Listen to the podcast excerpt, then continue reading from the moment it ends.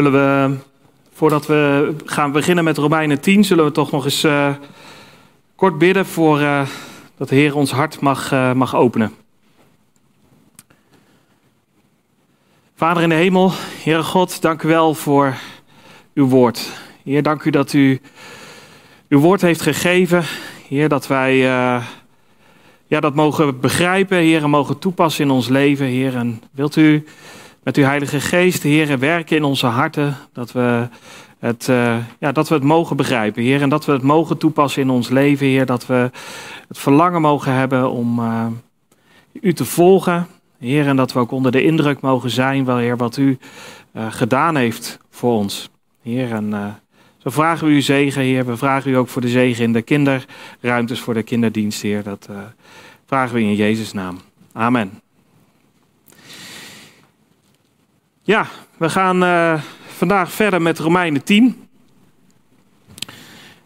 En uh, nou ja, we hebben het er al eens eerder uh, bij stilgestaan. Romeinen 10 komt na Romeinen 9. En Romeinen 9 komt na Romeinen 8. En zo verder terug. Um, het, is wel, het, is, het heeft allemaal wel een beetje te maken met context. Van waar zijn we nu eigenlijk mee bezig? En uh, nou, we gaan niet helemaal terug naar Romeinen 1, maar ik, ik, ik wou wel eens eventjes uh, uh, terug even van, naar Romeinen 8. Van wat, wat heeft Paulus nu, waar heeft Paulus het eigenlijk nu over? Hij is, een, hij is een hele brief aan het schrijven over het evangelie. Hij is aan het evangelie aan het uitleggen van jongens, hoe zit het nu in elkaar? Wat, wat betekent dat eigenlijk voor ons leven? En een van de dingen uh, waar we op uit zijn gekomen is in Romeinen 8. Um, dat we de Heilige Geest hebben gekregen. Als we tot geloof zijn gekomen in uh, de Heer Jezus, dat de Heilige Geest in ons leven komt en dat hij ons leven van binnenuit verandert. En dat we het verlangen krijgen om het, om het goede te gaan doen en dat we uh, bezig zijn om de verkeerde dingen in ons leven te doden, zeg maar, om daarmee te stoppen en de goede dingen uh, uit te leven, zoals God wil dat we leven. En diezelfde Heilige Geest die we hebben gekregen, die zegt dan in Romeinen uh, uh, 8, vers 15: uh, Laat ons roepen, Abba, Vader. We hebben de Geest namelijk ontvangen tot aanneming tot kinderen, door wie wij roepen Abba, Vader. Deze Geest zelf getuigt met onze Geest dat wij kinderen van God zijn, zegt Romeinen 8, vers 16. Um, en dat is heel belangrijk. We hebben die Heilige Geest ontvangen en we zijn, daardoor mogen we kinderen van God uh, uh, genoemd worden. Daardoor zijn we kinderen van God geworden. En dan eindigde hij in Romeinen 8, vers 38 en 39 met deze zekerheid. Want ik ben ervan overtuigd dat nog dood, nog leven, nog engelen, nog overheden, nog krachten, nog tegenwoordige, nog toekomstige dingen, nog hoogte, nog diepte, nog enig ander schepsel ons zou kunnen scheiden van de liefde van God in Christus Jezus, onze Heer. Hij zegt van Gods trouw is zo groot, Gods liefde is zo groot. Hier, hier, eh, hier, jullie zijn kinderen van God geworden. Er is niks meer dat je kan scheiden van God. En dan is het helemaal niet raar dat we vorige keer Romeinen 9 hebben gezien. Dat we gezien hebben dat Paulus ineens over Israël begint. Want de vraag dient zich meteen aan van hoe zit dat dan met Israël? Als God nu trouw is voor ons, als God uh, ons kinderen van God eh, noemt, als hij zegt van ja, ik kan jullie, jullie kunnen nooit meer, uh, niets kan je meer scheiden van, van mijn liefde. Maar hoe zat het dan met Israël? Gods uitverkoren volk, Gods oogappel. Ze hebben al die verbonden, ze hebben de eredienst, ze hebben al die beloften, ze hebben, ze hebben de wet. Maar hoe, hoe zit het dan met Israël? En daar zie je, zagen we in Romeinen 9, vers 6 onder andere dit over. Zegt Paulus ik zeg dit niet alsof het woord van God vervallen is. Want niet allen die uit Israël voortgekomen zijn, zijn Israël. Eigenlijk hebben we in hoofdstuk 9 hebben we een stukje hemelsperspectief gezien. We hebben eigenlijk in een soort van helikopter um, uitzicht hebben wij gekeken naar wat God, wat, welk plan God had met Israël en met de landen die daarbij betrokken zijn geweest, onder andere ook Egypte en de farao. En we hebben het Vorige week heeft Philip wat meer ingezoomd op bepaalde aspecten. Wat heeft het nou te maken met de uitverkiezing? Van wat, wat voor uh, gevolg heeft dat dan misschien voor ons persoonlijk? Um, maar uh, Paulus is in hoofdstuk 9 vooral bezig met het uitleggen van wat, hoe zit dat dan eigenlijk met Israël. Hij probeert dat probleem voor, van Israël probeert hij uit te leggen. En hij, we hebben al gezien van dat, dat er eigenlijk altijd al redding op basis van geloof geweest is door genade. Dat gold ook voor Israël. In een hoofdstuk 9, eh, vers 15 hadden we gezien: Ik zal mij ontfermen over wie ik mij ontferm, en zal barmhartig zijn voor wie ik barmhartig ben. Het is altijd al geweest dat God mensen heeft uitgekozen, en, en dat dat is op basis van geloof door genade. En of dat nou was bij Noach, zagen we het al terugkomen. We zagen het terugkomen bij Abraham, zien we het in de Bijbel terugkomen. We hebben het gezien in uh, als, je het, uh, als je de geschiedenis leest rondom de, de, de uitverkiezing ook van Mozes als leider van het volk, het volk zelf die door de woestijn uh, geleid werd door God naar het beloofde land. We hebben het gezien, je ziet dat bij, bij David, um, die een man naar Gods hart genoemd wordt. En je ziet het bijvoorbeeld ook terug in de roeping van Paulus. Ook daar zie je um, God die iemand bij zijn kladden pakt en zegt van, um, hier ben ik, geloof in mij. En we hebben ook stilgestaan um, in hoofdstuk 9 bij eigenlijk de andere kant van het verhaal. Al het, al het onrecht. En in hoofdstuk 9 heeft Paulus het gehad over de farao over de farao rondom Mozes. En, en, en Philip heeft, heeft laten zien van ja, maar wacht even, hij had wel degelijk, farao had wel degelijk een eigen verantwoordelijkheid. En toch uh, legt uh, God uit uh, dat, dat God hem uiteindelijk verhard, zijn hart verhard heeft. Dat God daar een, een doel mee had met de positie die, die, die Farao innam in het hele verhaal. En dan zien we dit bijvoorbeeld in Romeinen 9, vers 22 en 23. En is het niet zo dat God, omdat hij zijn toorn wilde bewijzen en zijn macht bekend maakte, bekendmaken, met veel geduld de voorwerpen van zijn toorn voor het verderf gereed gemaakt verdragen heeft? God heeft al die, die mensen die allemaal zelf hun eigen verantwoordelijkheid ook hadden, heeft hij toegestaan dat zij uh, zo leefden en dat zij de beslissingen maakten die zij maakten, uh, die, die vreselijke gevolgen hadden voor heel veel mensen. En dat had namelijk allemaal een doel, en dat met het doel om de rijkdom van zijn heerlijkheid bekend te maken over de voorwerpen van zijn ontferming die hij van tevoren bereid heeft tot heerlijkheid. Zoals het volk uh, uh, Israël onder de indruk kon raken van hoe zij uit Egypte getrokken zijn. Hoe God ze geleid heeft uit Israël door die, door die zee heen, door die woestijn heen. Um, verlost van de farao uh, om, om, om de, de God te verheerlijken. Maar deze twee personen hebben daar ook een hele belangrijke rol in gespeeld. En ik denk dat de kinderen ze misschien niet zullen herkennen. Uh, maar dit is Hitler en dit is Stalin. En um, Hitler heeft in de Tweede Wereldoorlog heeft is hij verantwoordelijk geweest voor um, uh, de uitroeiing van 6 miljoen uh, Joden. En nog veel meer ellende in de wereld. En Stalin heeft daarna, in die periode daarna, in, het, in, in de Sovjet-Unie een, een rijk gesticht um, een communistisch rijk waarin uh, er een enorme vervolging was van zowel Joden als christenen. Um, en waarom haal ik deze erbij?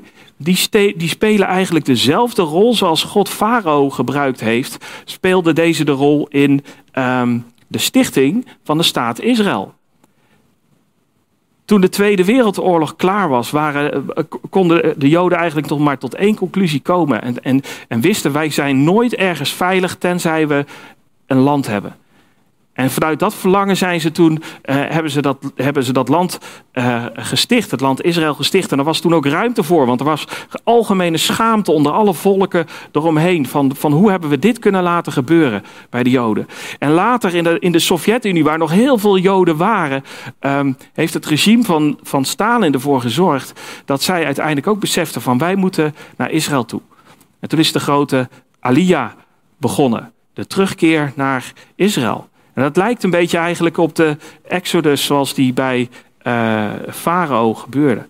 Maar goed, het, het, het hele verhaal is, is dat um, God ingrijpt. God heeft ingegrepen bij Israël en God heeft ingegrepen in deze wereld. En um, we zagen in hoofdstuk uh, 9, en daar, uh, Philip die heeft daar vorige keer volgens mij niet uitgebreid bij stilgestaan, dat het een, dat, um, uh, Paulus in, in hoofdstuk 9, vers 24 en 25 terug, dat Paulus terugverwijst naar een profetie van uh, Hosea. Um, maar daar, daar, verwees Paulus terug naar deze profetie. En ik zal haar voor mij in de aarde zaaien en mij ontfermen over Lo-Rugama. Ik zal zeggen tegen Lo-Ammi, u bent mijn volk. En hij zal zeggen, mijn God. Nou, mocht je een keer een interessant boek willen lezen over hoe dat gaat en welke weg God met een profeet gaat, dan moet je het boek Hosea maar eens lezen. Um, heel gaaf boek.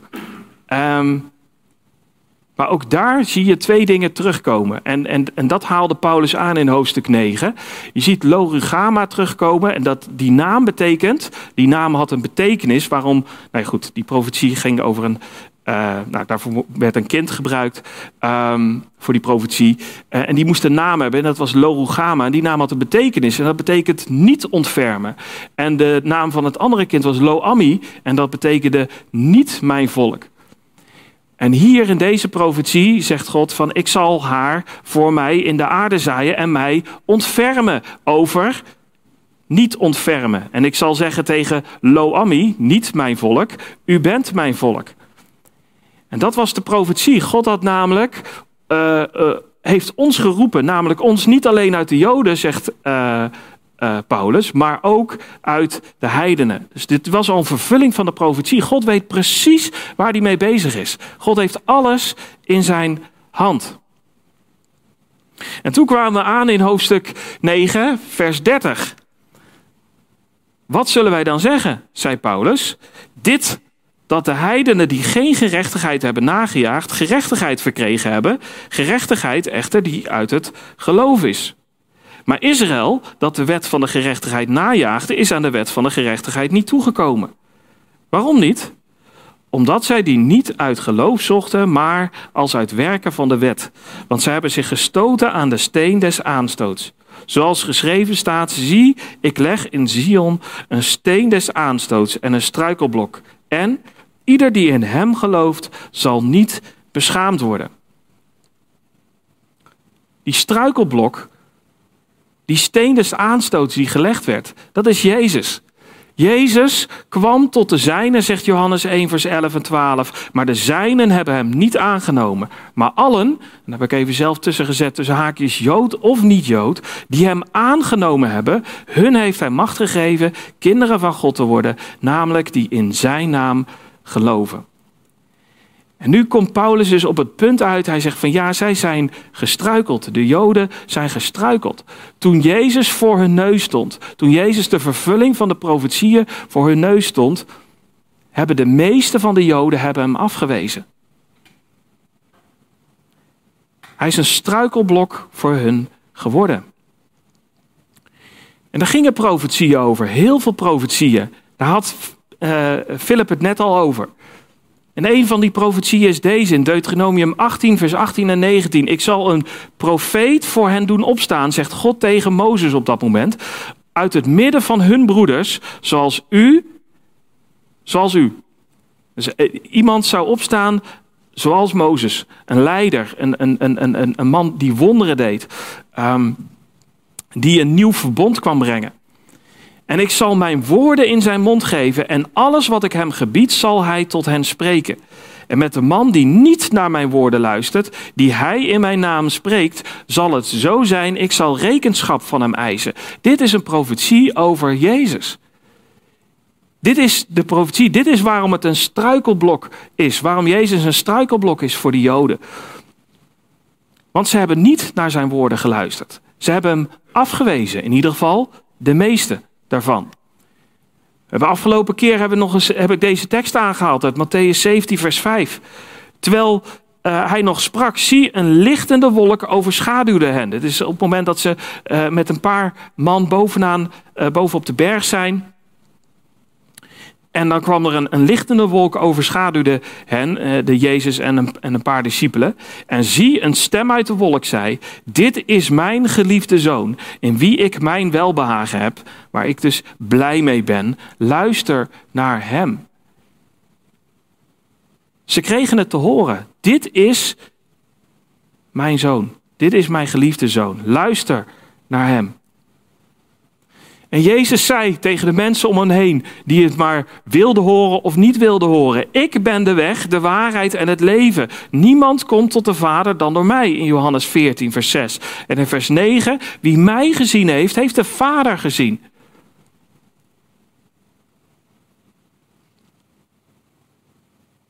Hij stelt zich gelijk aan God. Hij zegt: Als je mij hebt gezien, heb je God gezien. En daarmee is hij een struikelblok. Daarmee was hij een struikelblok voor de Joden. Daarmee is hij een struikelblok voor vele mensen, omdat Jezus zegt: Ik ben de weg, de waarheid en het leven. Niemand komt tot de Vader dan door mij. Dat is het bijzondere van het Evangelie. God, God, God biedt gratis het Evangelie aan. Hij zegt: Ik heb mijn zoon eh, laten sterven voor jouw zonde, voor de schuld op jouw zonde. En, en jij mag bij me komen, gratis. Maar het is de enige weg. Er is geen andere weg. En 1 Johannes die zegt, die zegt daar dit over. Wie gelooft in de Zoon van God heeft het getuigenis in zichzelf. Wie God niet gelooft, heeft hem tot een leugenaar gemaakt, omdat hij niet geloofd heeft het getuigenis dat God van zijn zoon getuigd heeft. En dit is het getuigenis, namelijk dat God ons het eeuwige leven gegeven heeft. En dit leven is in zijn zoon. Wie de zoon heeft, heeft het leven. Wie de zoon van God niet heeft, heeft het leven niet. Dit is zo belangrijk. Als iemand zegt er is een andere weg tot God, dan zegt hij God is een leugenaar. Want God heeft gezegd dit is mijn zoon. En er is, er is maar één weg. En als je de zoon hebt, heb je het leven. Als je de zoon van God niet hebt, heb je het leven niet. En er zijn zoveel mensen die tegenwoordig proberen alle religies op één hoop te gooien. Dan zeggen ze, ah, die religie, ach, de, de islam en, en, en eh, het boeddhisme en, en het hindoeïsme. Het, is, het, het gaat toch allemaal over hetzelfde. Ze zijn toch allemaal bezig om het goede te dienen, om God te zoeken. En het is een leugen. Het is niet waar. Het is niet allemaal hetzelfde. Er is maar één weg en dat is Jezus.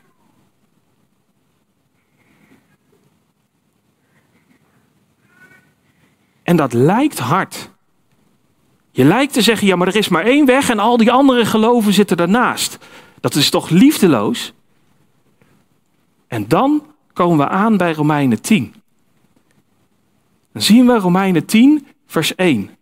Daar trekt Paulus een conclusie. Want in feite zegt Paulus dit dus, ook over de Joden. De Joden zitten, als zij Jezus niet aannemen, zitten ze er naast.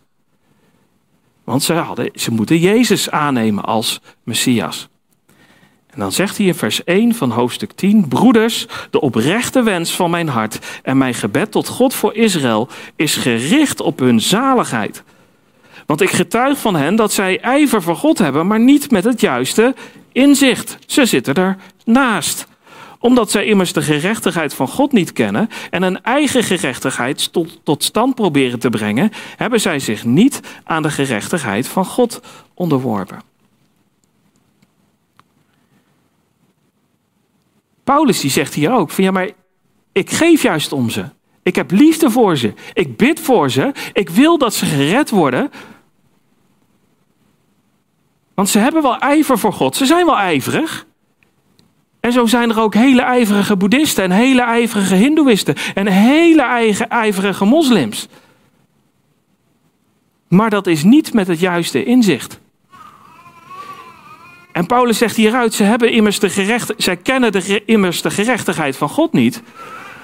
Maar ze proberen zelf een gerechtigheid tot stand te brengen. Ze proberen eigenlijk, zoals, deze, uh, zoals dit mannetje op deze ladder, probeert zelf omhoog te klimmen naar de hemel.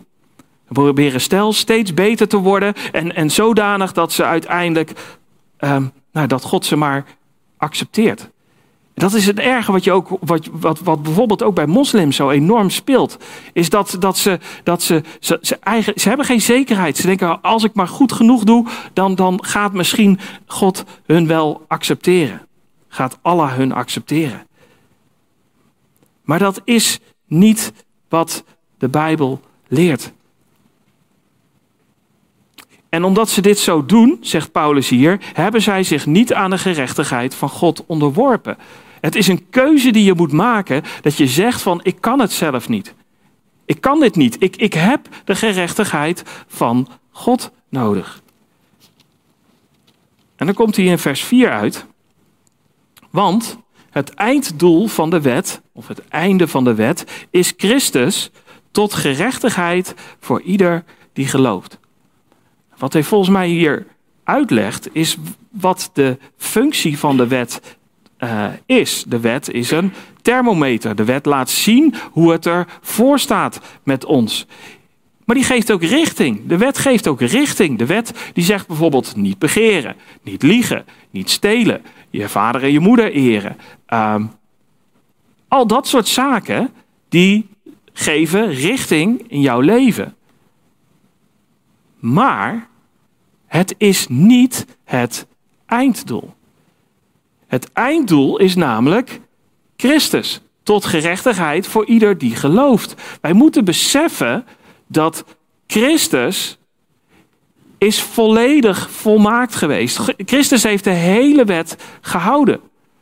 En we hebben al zo vaak erbij stilgestaan dat God ervoor gekozen heeft om, om uh, aan het kruis onze schuld, onze zonde, ons falen van, om, om te voldoen aan die gerechtigheid, op Jezus te leggen als volmaakte lam. En dat wij in ruil daarvoor zijn gerechtigheid krijgen. Uit geloof, door genade. En dat is het doel van die wet. Die wet moet laten zien van dit is, dit is wat het goede is, dit is wat het leven is, ja. En de conclusie moet zijn voor ons, dit gaat ons nooit lukken. Dit kan ik niet. Daar heb ik God voor nodig. En dan gaat uh, Paulus gaat verder in vers 5 van Romeinen 10. Want Mozes schrijft over de gerechtigheid die uit de wet is. De mens die deze dingen gedaan heeft, zal daardoor leven.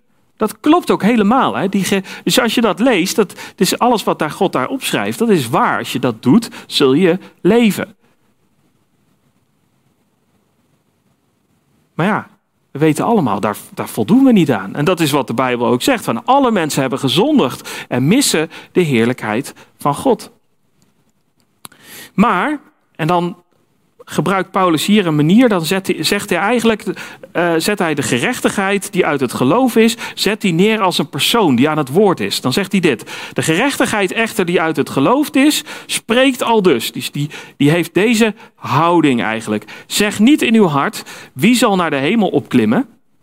Want dat is Christus naar beneden brengen. Of wie zal in de afgrond neerdalen? Dat is Christus uit de doden naar boven brengen.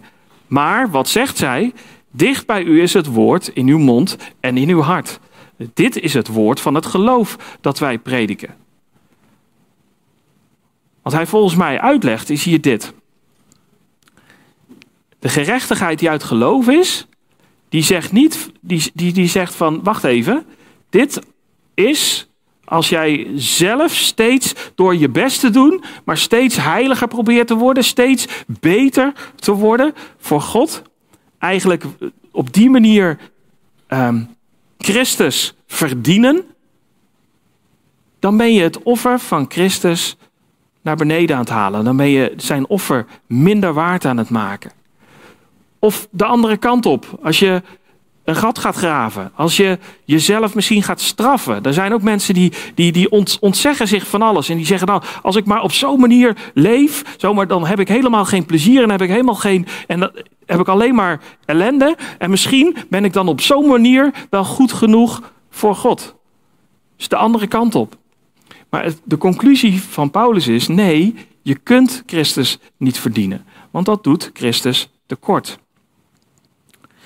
De gerechtigheid van het geloof, die zegt dit. Dit is het woord van het geloof dat wij prediken. Dit is het echte word of faith. Namelijk, als u met uw mond de Heer Jezus beleidt en met uw hart gelooft dat God hem uit de doden heeft opgewekt, zult u zalig worden, zul je gered worden.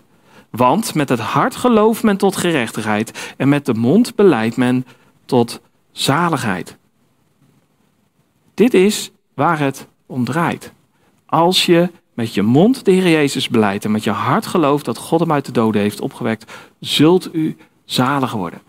En waar Paulus het hier over heeft, is, is, is volgens mij een, een, het diepe, persoonlijke, levensveranderende geloof dat je moet hebben. Dat Jezus zowel hier Heer is, de Heer Jezus, Hij is de baas de baas van jouw leven, de baas van de wereld, de baas van de schepping. En ook jouw redder. En dat hij hem uit de doden, dat God hem uit de doden heeft opgewekt. En dan zegt de Bijbel, dan zul je zalig worden. En daar komt ook je mond bij kijken. Misschien een beetje klein hier, maar je ziet hier een, een hart met een stopcontact en een stekkertje dat naar die mond toe gaat. Volgens mij is dat wat Paulus hier beschrijft. Dit is een levensveranderend geloof. Dit, als jij dit werkelijk gelooft, dan ga je dat uitdragen. Dan beleid je dat naar God toe. Dan, dan roep je God aan. Dus wat, wat hier in vers 13 ook zegt, want ieder die de naam van de Heer zal aanroepen, zal zalig worden. Dit, dit is wat, wat ons redt. En dan zeggen sommige mensen, ja, maar zie je, dit is dan toch een geloof op basis van werken. Nee, nee, nee, ho, ho. Daar, gaat het helemaal niet om. We weten precies wat Paulus hier bedoelt. Paulus is een, is een heel boek aan het schrijven waarin hij zegt dat je alleen gered bent op basis van geloof, niet op basis van werken. Maar wat hij hier duidelijk maakt is van, van, van als je dit werkelijk gelooft, dan, dan, dan roep je het uit naar God en dan zeg je tegen God, alstublieft, red mij, help mij, verander mij.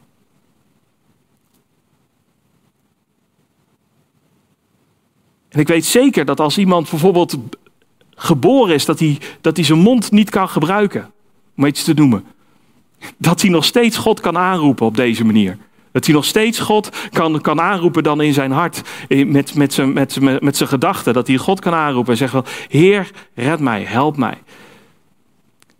Maar wat, hij hier, wat hier duidelijk maakt is van dit is iets wat in jouw hart zit, dat gaat er naar buiten komen. Van hè, wij zeggen ook wel eens waar de hart vol van is, daarvan spreekt de mond. Dit gaat naar buiten komen. En daar zijn zoveel coole voorbeelden van. Lees alsjeblieft eens thuis, ook misschien met de kinderen, een keer het verhaal over Zacchaeus.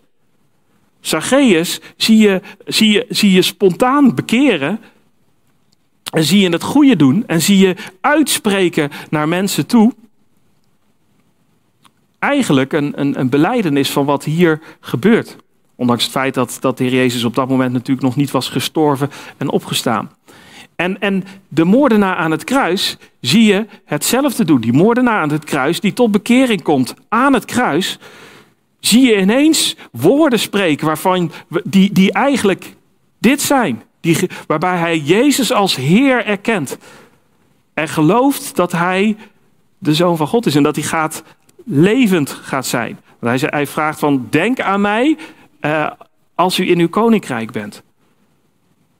En, en um, kijk ook eens naar de roeping van Paulus. Paulus die komt tot bekering. Paulus um, die, uh, die, die neemt het evangelie aan. En dan staat er, dat vind ik zo mooi. Staat er dit in Handelingen 9. Hij was een vervolger van, van, van, van de christenen, keihard. En, en, en dan staat er vervolgens dit. Even kijken. Nou, eh, eh, in vers 18, en meteen vielen hem als het ware schellen van de ogen en hij werd onmiddellijk weer ziende. En hij stond op en werd gedoopt, hoppakee, hè, gelijk het goede voorbeeld. En toen hij voedsel genomen had, sterkte hij aan en Saulus eh, verbleef enige dagen bij de discipelen in Damascus. En dan vers 20 van Handelingen 9. En meteen predikte hij Christus in de synagoge dat hij de zoon van God was. Bam. Meteen die mond, meteen dat beleiden, meteen er vooruit komen. Paulus hield het niet stil.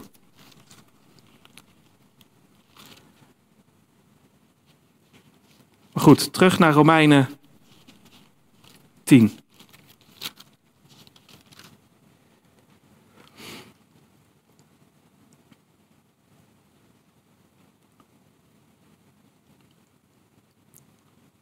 Want met het hart gelooft men tot gerechtigheid en met de mond beleidt men tot zaligheid. En dan in vers 11.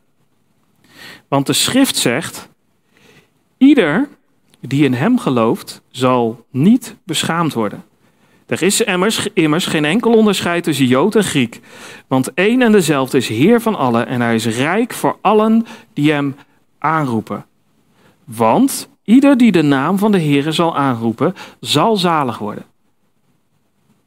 Als, als hoofdstuk 9 jou verward heeft en gedacht heeft, ja, hoe zit het dan met uitverkiezing en allemaal lastige dingen, waarvan ik denk van ja, we moeten vooral in de gaten houden ook van wat, wat, wat het doel is van Romeinen 9 over de, de uitverkiezing van, van, van Israël in de gaten houden. Maar als je dan hier terugziet in Romeinen 10, dan zoomt hij eigenlijk gewoon weer in op wat het betekent voor ons, voor jou en voor mij. En dan zie je deze bemoedigende woorden.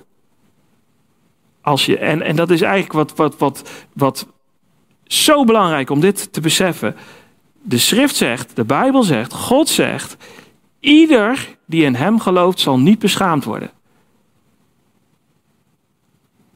Is hier iemand van uitgezonderd? Wat betekent ieder? Wat betekent iedereen?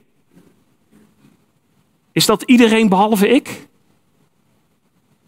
Is zo belangrijk om te beseffen.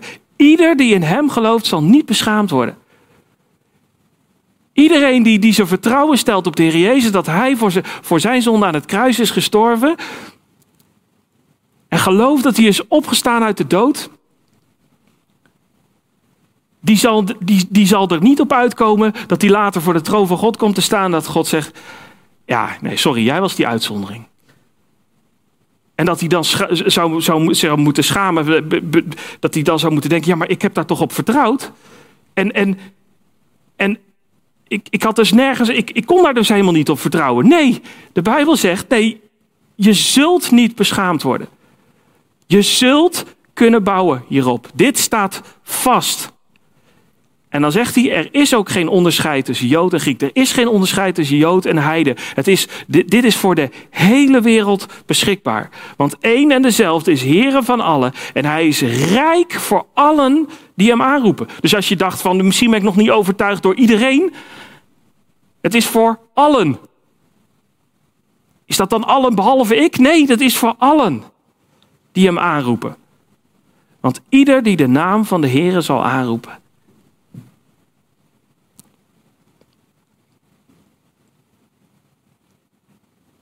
die zal zalig worden.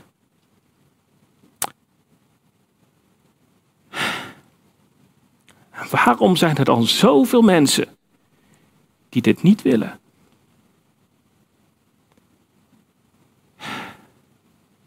Dat is omdat Jezus een struikelblok is.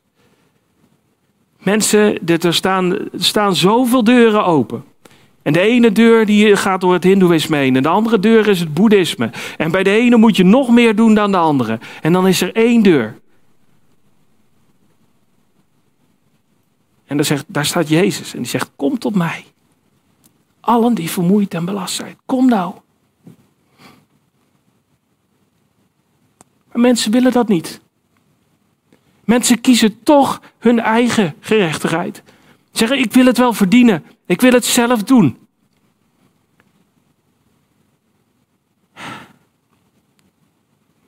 Maar dat is juist het, de waarde van het offer van Jezus. Jezus is voor onze zonde aan het kruis gestorven. Hij heeft gedaan wat wij niet konden doen. Hij heeft de wet helemaal gehouden. Hij is volmaakt geweest. En daarom moeten we op zijn gerechtigheid vertrouwen. En als we dat doen, dan zullen we niet beschaamd staan. En dat is het evangelie. Dat is het goede nieuws. En dan zegt Paulus in vers 14: Hoe zullen zij dan hem aanroepen in wie zij niet geloven? En hoe zullen zij in hem geloven van wie zij niet gehoord hebben?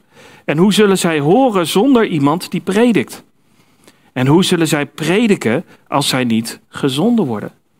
Zoals geschreven staat, hoe lieflijk zijn de voeten van hen die vrede verkondigen, van hen die het goede verkondigen.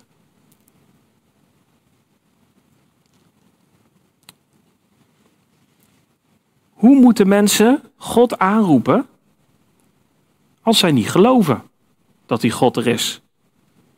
En hoe moeten zij in God geloven als niemand het hun ooit verteld heeft?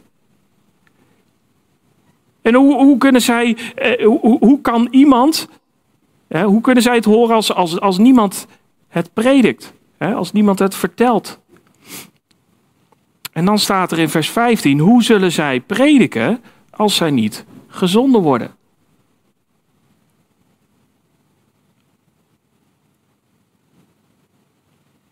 Als God niet zijn woord had gegeven aan ons, dan had ik hier niks te vertellen. Ik, ik, dan was ik gewoon, net zoals ieder hier, een, een mens die gewoon ja, een mening heeft. Een mening, net zoals iedereen. Net zoveel waard. Maar het punt is dat God dit evangelie gegeven heeft. En daarom hebben wij iets te zeggen. Jezus heeft ons de opdracht gegeven: ga dan heen, onderwijs al de volken en dopend in de naam van de Vader en van de Zoon en van de Heilige Geest, hun lerend alles wat ik u geboden heb in acht te nemen. God heeft ons een opdracht gegeven. God heeft ons erop uitgezonden om dit goede nieuws aan iedereen te vertellen. En in Jesaja, in het begin van het boek Jesaja, zie je uh, de roeping van Jesaja terugkomen. En er staat dit. Daarna hoorde ik, dat is Jezaja, de stem van de Heere. En hij zei, wie zal ik zenden? Wie zal er voor ons gaan? En toen zei ik, zie, hier ben ik, zend mij. Jezaja zei, ik ben er. Stuur mij maar naar dit volk. En dan zegt, deze, zegt, de, zegt Paulus hier, hoe lieflijk zijn die voeten van hen die vrede verkondigen, van hen die het goede verkondigen.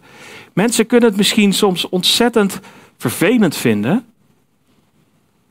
als jij hun komt te vertellen over het feit dat ze Jezus nodig hebben. Want wat ze moeten beseffen is dat ze zelf nooit goed genoeg zullen zijn voor God. En dat is een keuze die je moet maken. Dat je beseft, ik moet me onderwerpen aan Gods regels. Ik moet me onderwerpen aan Gods moraal. Ik moet, moet mezelf onderwerpen aan God.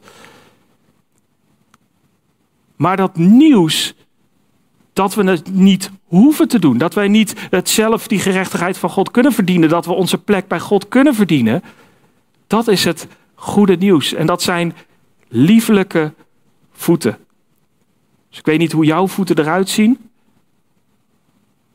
Maar het zijn liefelijke voeten als je dat goede nieuws gaat vertellen aan je buren en aan je vrienden en aan de mensen om je heen.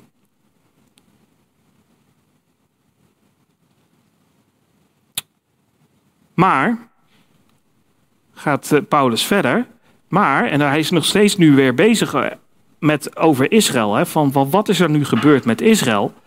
Maar zij zijn niet allen het evangelie gehoorzaam geweest. Jezaja, Daarom haalde ik deze er ook bij. Jezaja zegt namelijk, Heere, wie heeft onze prediking geloofd? Jezaja was erop uitgestuurd om te, om te zeggen. En Jezaja zegt ook al, wie heeft onze prediking nou geloofd? Ze zijn ongehoorzaam geweest. Niet iedereen die het evangelie hoort, die neemt het ook aan. Maar zegt Paulus in vers 17, zo is dan het geloof uit het gehoor en het gehoor door het woord van God. Als je het evangelie gehoord hebt, dat kan tot geloof leiden. En, dat, en de prediking van ehm, wat je gehoord, dat moet komen uit het woord van God. Dat is de, wat we vertellen, dus het woord van God. Als je daarnaar luistert en je gelooft het. Dat is wat het evangelie inhoudt. Maar, gaat Paulus verder, maar ik zeg, hebben ze het dan echt niet gehoord? Want ze hebben er niet naar geluisterd, in ieder geval de meeste van de Joden niet. Zeker wel. Hun geluid is over heel de aarde uitgegaan en hun woorden tot het einde van de wereld. Nou, Paulus die, die kende het Oude Testament ontzettend goed. En als je soms wel eens uh, dat een beetje vergeet, dan, dan denk je van ja, maar wat doet dit nou? En welke? Hun geluid en uh, over de aarde en hun woorden tot het einde van de wereld. Wat doet hij nu? Nou, hij haalt hier iets aan uit het Oude Testament, uit Psalm 19. Letterlijk gezien Psalm 19, vers 4.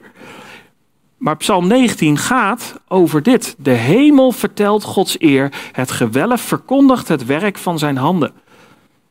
Paulus grijpt hier weer terug op wat hij in Romeinen 1 ook al teruggreep, namelijk dat hij zegt van mensen kunnen in de schepping kunnen ze zien dat God hun gemaakt heeft. Ze hebben geen excuus, niemand heeft een excuus.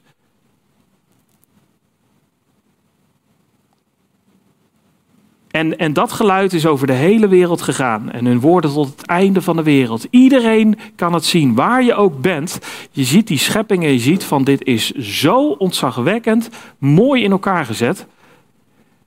Om maar iets te noemen. Een, een, een heel leuk detail. Ze zijn nu bezig met, met het coronavirus, eh, met, met die vaccins. Zei ze, dat zijn zogenaamde messenger-RNA-vaccins. Nou, wat, wat, doen ze, wat, wat hebben ze daar moeite mee? Want die moeten bewaard worden bij min 60, want anders gaat dat RNA valt uit elkaar. Dat, dat, dat doet het dan niet goed meer. En toch geloven diezelfde mensen geloven dat voordat er DNA was, dat er ergens een grote RNA-soep was, die vanzelf DNA is geworden, waarvan vanzelf uiteindelijk de eerste cel is geworden, wat een compleet zichzelf vermenigvuldigende fabriek is, waarbij als je er dingetjes in stopt, dat er weer dingen uitkomen en weer nieuwe cellen maken. En nou, mocht je daar eens meer over willen weten, kom vooral met me praten, want ik kan daar uren over praten, van hoe bijzonder dat allemaal in elkaar zit. En diezelfde mensen ja, het is zot. Die, ze willen het gewoon niet zien. Maar ik vind het opvallend dat Paulus dan hier dit argument even aanhaalt. Want hij had ook kunnen zeggen: ja, maar ze hebben de profeten gehad, ze hebben alles gehad. Maar hij zegt: eh, er is gewoon helemaal geen excuus, want ze hebben het al kunnen zien in de schepping. Maar, gaat Paulus verder, ik zeg: heeft Israël het dan niet begrepen? Ten eerste is het Mozes die zegt: Ik zal u jaloers maken door wat geen volk is. Door een onverstandig volk zal ik u tot toorn verwekken. En Jezaja durft het aan te zeggen: Ik ben gevonden door hen die mij niet zochten. Ik heb mij geopenbaard aan hen die, niet, die naar mij niet vroegen. Met het oog op Israël, zegt hij echter. Heel de dag heb ik mijn handen uitgebreid naar een ongehoorzaam en tegensprekend volk. Dus volgens mij is het antwoord op die vraag die hij zegt: Heeft Israël dat niet begrepen? Nou, het probleem zit er vooral in dat ze ongehoorzaam en tegensprekend zijn. Ze hebben zoveel profetieën gekregen die naar, naar Jezus verwezen. En toen hij voor de zijn deur stond, toen hij er was, verwierpen ze hem. Nou ja, de meeste dan, hè? Dus uh, er waren ook hè, mensen als Simeon en als Anna en als, als de eerste apostelen die, die, die Jezus wel ge, uh, in Jezus geloofd hebben en hem wel aanvaard hebben. Maar de meerderheid heeft hem verworpen. Omdat ze ongehoorzaam zijn en tegensprekend. En hier haalt hij een, een, um, als hij zegt van eh, ten eerste is het Mozes die zegt ik zal je jaloers maken, haalt hij ook weer een vers uit het Oude Testament aan. In Deuteronomium 32, vers 21. Hij haalt het tweede deel van dat vers aan, maar het eerste deel geeft eigenlijk al aan wat er aan de hand is. God zegt daar, ze hebben mij tot naijver gebracht met wat geen God is. Ze hebben mij jaloers gemaakt. Ze hebben mij tot toorn verwekt door hun nietige afgoden. Ze hebben me boos gemaakt doordat zij achter afgoden aangegaan. Ik zal hen daarom jaloers maken door wat geen volk is. Door een dwaas volk zal ik hen tot toorn verwekken. Bedoel, Israël, als je, als, je, als je het Oude Testament leest, Israël, eigenlijk is het alleen maar constant dat je ziet dat God zegt allerlei dingen en Israël negeert het. Ze doen het soms drie minuten en dan, dan, dan is het weer klaar. Het is echt ongelooflijk. Als je, als, je, dat leest, je, staat er elke keer weer versteld van. Je, je, ziet het bij het gouden kalf terugkomen. Je ziet het bij de verspieders uh, terugkomen. Uh, God zegt: neem, ze nou, neem, neem dat land nou maar in. En ze komen terug. Nee, dat gaat ons niet lukken hoor. Mozes is even 40 dagen op de berg. Ze, ze, maken gelijk een gouden kalf. Ze zeggen: dit is, het, dit is de God die ons uit Israël, uh, uit Egypte heeft bevrijd. Wel, hoe kom je erop? Ik denk dat we daar als, als, ook wel als uit les uit moeten leren. Van zijn wij ook zo? Of, of, of pakken wij het woord van God gewoon zoals het is? is, is of, of zeggen wij elke keer ja maar? Of, of, of zien we iets en denken, oef, nou gauw wegstoppen. Dan, uh, dan, dan is het er niet meer. Dan kan ik weer mijn eigen weg gaan. Maar God had een plan. En hij wist dat zijn volk aan het afwijken was. En hij wist, en ik zeg, ik kies een nieuw volk uit, wat geen volk was. De heidenen, wij zijn niet één volk, wij zijn heel veel volken. Uit heel veel volken heeft God ons gegrepen. Degene die geloven in Heer Jezus. En die zegt van, ik zal jullie tot jaloersheid verwekken. En als je nu kijkt wat er is in Israël. Denk maar niet dat je kunt evangeliseren in Israël. Er zijn zelfs wetten dat je niet mag evangeliseren, volgens mij, tot uh, aan mensen jonger dan 18 jaar. En, en als, een, een, uh, als er Joden zijn die, die ook maar denken dat jij, uh, als jij een, een organisatie hebt die actief is in Israël, om goede dingen te doen, om te helpen, om Joden te helpen bijvoorbeeld terug te keren. En ze denken dat jij eigenlijk aan het evangeliseren bent en dat jij mensen aan het bekeren bent, dan verbreken ze gelijk de banden met jou. Dit, dat is volgens mij de uiting van wat, wat, wat, wat Paulus hier beschrijft. Dat is wat er, uh, wat er op dit moment aan de hand is. Wij hebben iets wat zij niet hebben. Wij hebben de Messias. En Jezaja zegt het dan, zegt Paulus, ik ben gevonden door hen die mij niet zochten. Ik heb mij geopenbaard aan hen die naar mij niet vroegen. Dat is waar. De heidenen waren niet met God bezig. Israël was met God bezig, de heidenen niet. Maar dat past allemaal in het plan van God. En daarom stond Romeinen 9 er ook in. En in Jezaja 49 staat deze profetie al uitgesproken. En ik vind hem zo mooi. Want daar gaat Paulus zo meteen op verder in Romeinen 11. Hoe zit het dan met die verwerping uh, van God door Israël? En hoe zit het dan met de verwerping van Israël? Hoe, hoe, hoe, hoe, zit dat dan? En in Jesaja 49 is deze profetie al uitgesproken. Luister naar mij, kustlanden. Sla er acht op, volken van ver. Volgens mij heeft hij het tegen ons. En dan een, paar versen verder. En nu zegt de Heer, die zich mij vanaf de moederschoot tot knecht heeft geformeerd, om Jacob tot hem terug te brengen. Dit gaat over de Heer Jezus. Als de mij is in dit geval de Heer Jezus, volgens mij. Maar Israël zal zich niet laten verzamelen. Niettemin zal ik verheerlijkt worden in de ogen van de Heer en mijn God zal mijn kracht zijn. Hij zei, dat is volgens mij God in, in deze tekst, het is te gering dat u voor mij een knecht zou zijn om op te richten de stammen van Jacob en om hen die van Israël gespaard werden terug te brengen. Ik heb u, Jezus, ook gegeven tot een licht voor de heidevolken, om mijn hel te zijn tot aan het einde der aarde.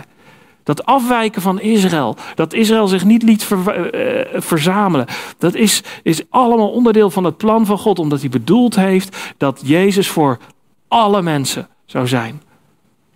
Niet alleen voor de Joden, niet alleen voor een klein stukje volk, maar voor iedereen die maar wil geloven, is Jezus gekomen en gestorven aan het kruis. En dat is het goede nieuws. Gods plannen die falen niet.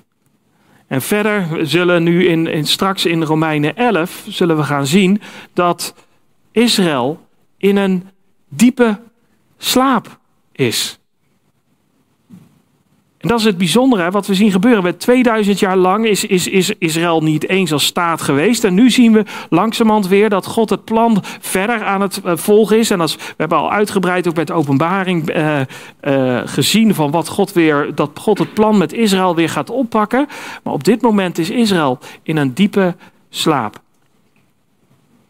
Nou, daar mag Philip volgende week zijn best om doen om dat uit te leggen.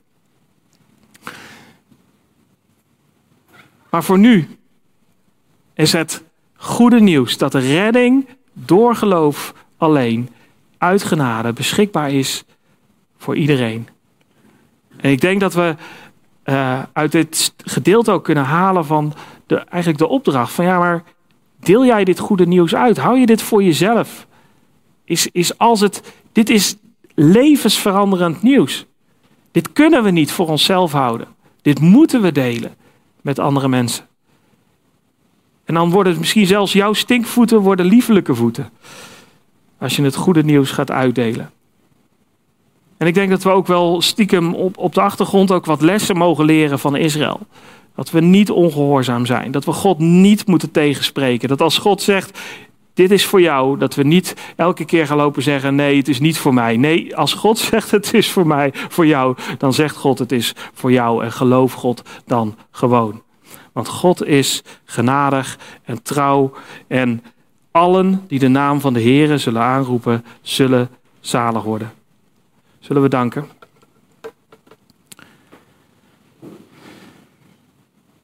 Vader in de hemel, Heere God, dank u wel voor dit geweldige nieuws. Dank u wel voor het feit dat u uw eigen zoon naar de aarde heeft gestuurd. Om de straf te dragen voor onze zonde. Dank u wel, Heer Jezus, dat u bereid was om, om uw heerlijkheid waar u was te verlaten, om naar de aarde te komen en om een slaaf te worden. En Heer, om volmaakte wet te houden. En uiteindelijk onze straf, de straf die op mij was, de straf die bedoeld was voor, voor iedereen hier, op, op u te nemen, Heer, en te sterven in onze plaats. En Heer, dank u dat u bent opgestaan uit de dood, Heer. Dat u de dood heeft overwonnen, dat u voor ons pleit, dat u een plek voor ons aan het maken bent, waar wij straks bij u mogen zijn. Wat een geweldig nieuws is dat, Heer. En we willen u vragen voor de wereld om ons heen. Willen u vragen voor Israël. Willen u vragen voor de moslims, Heer, en voor de hindoes en de boeddhisten. Heer, wilt u alstublieft hun ogen openen. Dat ze mogen zien dat u, Jezus, de Zoon van God bent, gestorven ook voor hun zonde. En dat het aanbod gratis is, Heer. Dat we mogen geloven, Heer, dat u het voor ons gedaan heeft, uit genade. Dat we het niet verdienen. Dat u ervoor gekozen heeft om het zo te doen. Heer, we prijzen uw naam daarvoor. We danken u ervoor. Heer, en we, ja, we willen u bidden, Heer, wilt u spoedig terugkomen. En tegelijkertijd bidden we dan ook, Heer, wilt u nog wachten. Er zijn nog zoveel mensen die tot geloof mogen komen, moeten komen. Heer, het vragen we in Jezus' naam. Amen.